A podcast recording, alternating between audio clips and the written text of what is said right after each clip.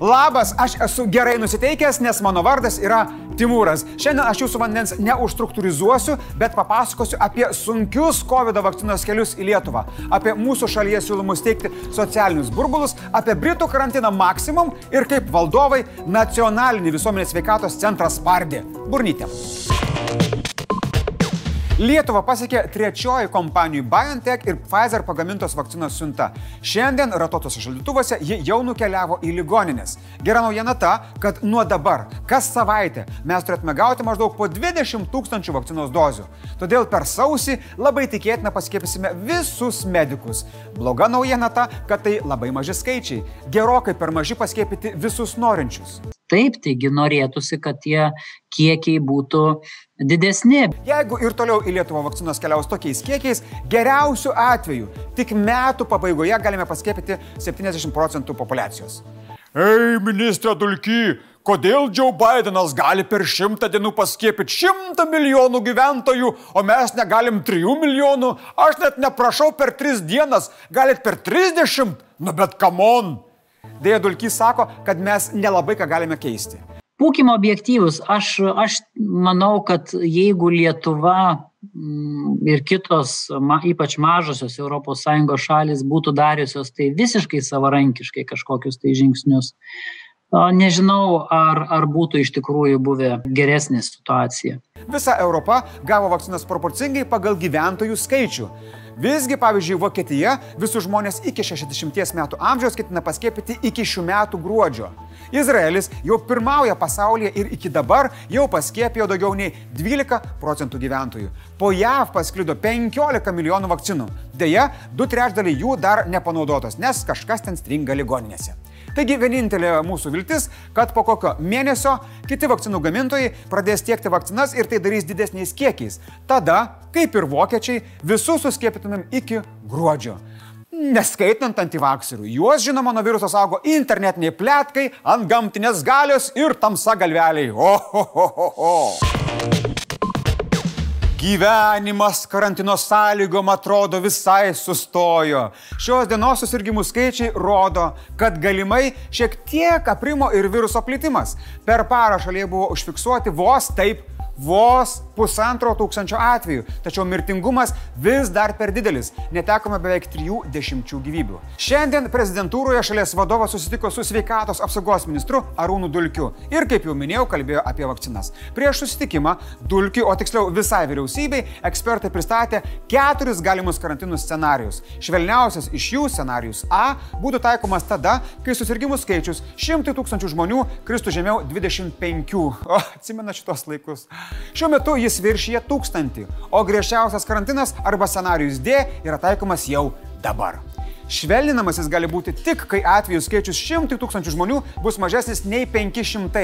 Ekspertai vyriausybė taip pat pasiūlė pradėti svarstyti apie socialinių burbulų taikymo galimybės. Pala, pala, Geitsas, čipai, 5G, korona, tai dabar mus dar į burbulus uždarys. Ramiai, paaiškinu. Socialinis palaikymo burbulas tai vieno asmens namų ūkio bendravimas su kitu namų ūkiu. Pagrindinis burbulų tikslas yra suteikti emocinę ir praktinę pagalbą didesnį izolacijos stresą patiriantiems žmonėms. Tai pavyzdžiui, jeigu savo namų ūkį esate vienas, vienut, vienutėlis kaip pirštas pas lentpivės darbuotoją arba namuose prižiūrit neįgalų asmenį, galėtumėte susitikti su kitu gyvenamu ūkiu nepriklausomai nuo jo dydžio. Tačiau be tų žmonių daugiau su niekuo negali susitikti. Į darbą eiti irgi nebūtų galima. Iš esmės viskas veiktų kaip koks, na, ryšio operatoriaus planas, kai išsirenki vieną vienintelį žmogų, kuriam gali skambinti, rašyti nemokamai, bet yra vienas vienintelis žmogus. Ar tokį pasiūlymą vyriausybė priims, dar nėra aišku, bet va jau vis tiek šiek tiek nuotaika pakilo, ne? Problemų su dideliais COVID-19 atvejų kiekiais turime ne tik mes. Jie drastiškai auga ir Junktinėje karalystėje.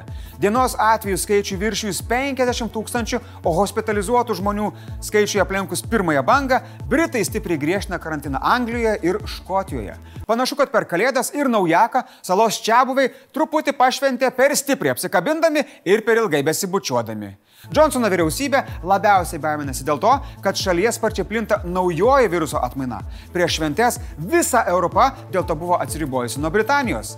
Bet dėja, įla išlindo iš maišo, nes mutacija pastebėta Graikijoje, Šveicarijoje ir Junktinėse valstijose. Be to, panaši mutacija aptikta ir Pietų Afrikoje. Panaši, tai čia ne ta pati. O dieve. Bet grįžkim prie ribojimų. Štai ką nusprendė jų valdžia. Namus palikti galima bus tik su labai svaria priežastimi. Beveik visur ir visiems užsidarė mokyklos. Matytis tarpusavėje galės tik vieno šeimos ūkio žmonės. Sportuoti laukia galima tik vieną kartą per dieną. Užsidarė visi verslai, išskyrus būtinasias prekes ir paslaugas. Užsidarė maitinimo įstaigos, todėl maistas tik išsinešimui. Iš esmės griežta, bet ne taip griežta, kaip buvo pas mus per šventes. Nors anglai sugriežtinimus peržiūrės vasarį, o škotai sausį, labai gali būti, kad ribojimai bus net iki kovo. Tai laikykitės ten Britai, laikau už jūs čiūrikus ar ką ten laikot, nes žinokit, pas mus ribojimai, na, dar nelabai suveikė. Tiesiog lietuviai, žinot, dievina deklaruoti gyvenamąją vietą kurortuose, nekenčia maisto užsakinėti internetu ir dar nuo knygnešių laikų jaučia pareigą slaptai palikti savo savivaldybės ribas.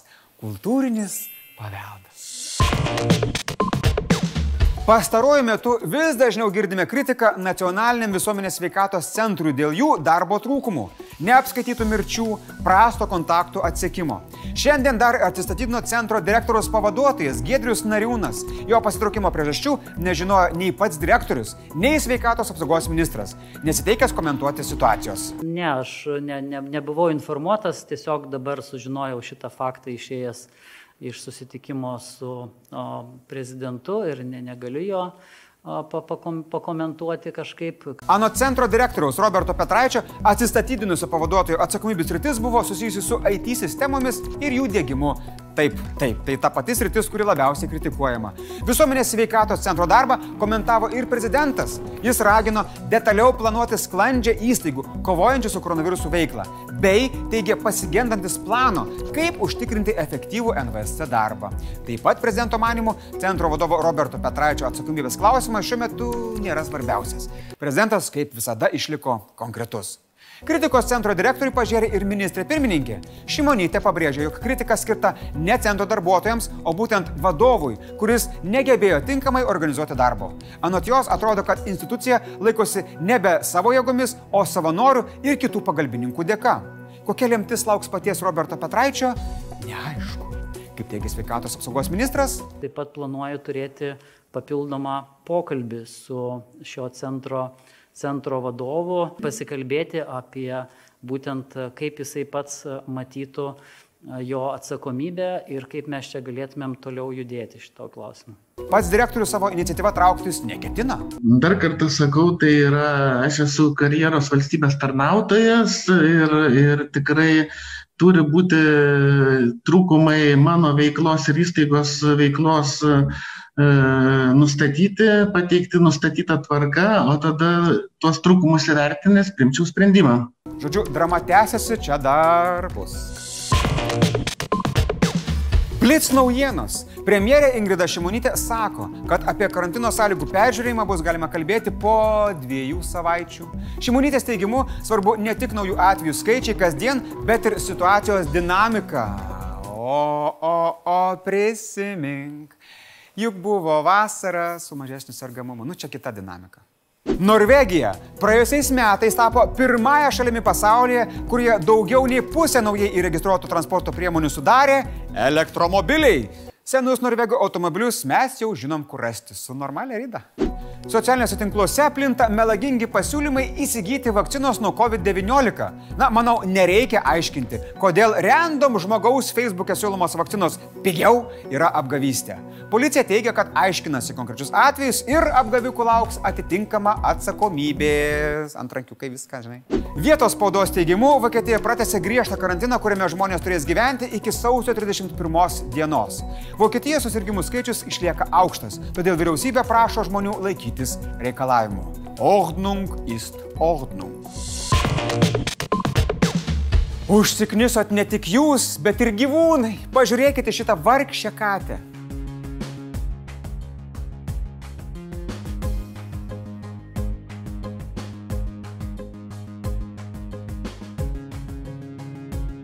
Šiandien tiek žinių iki.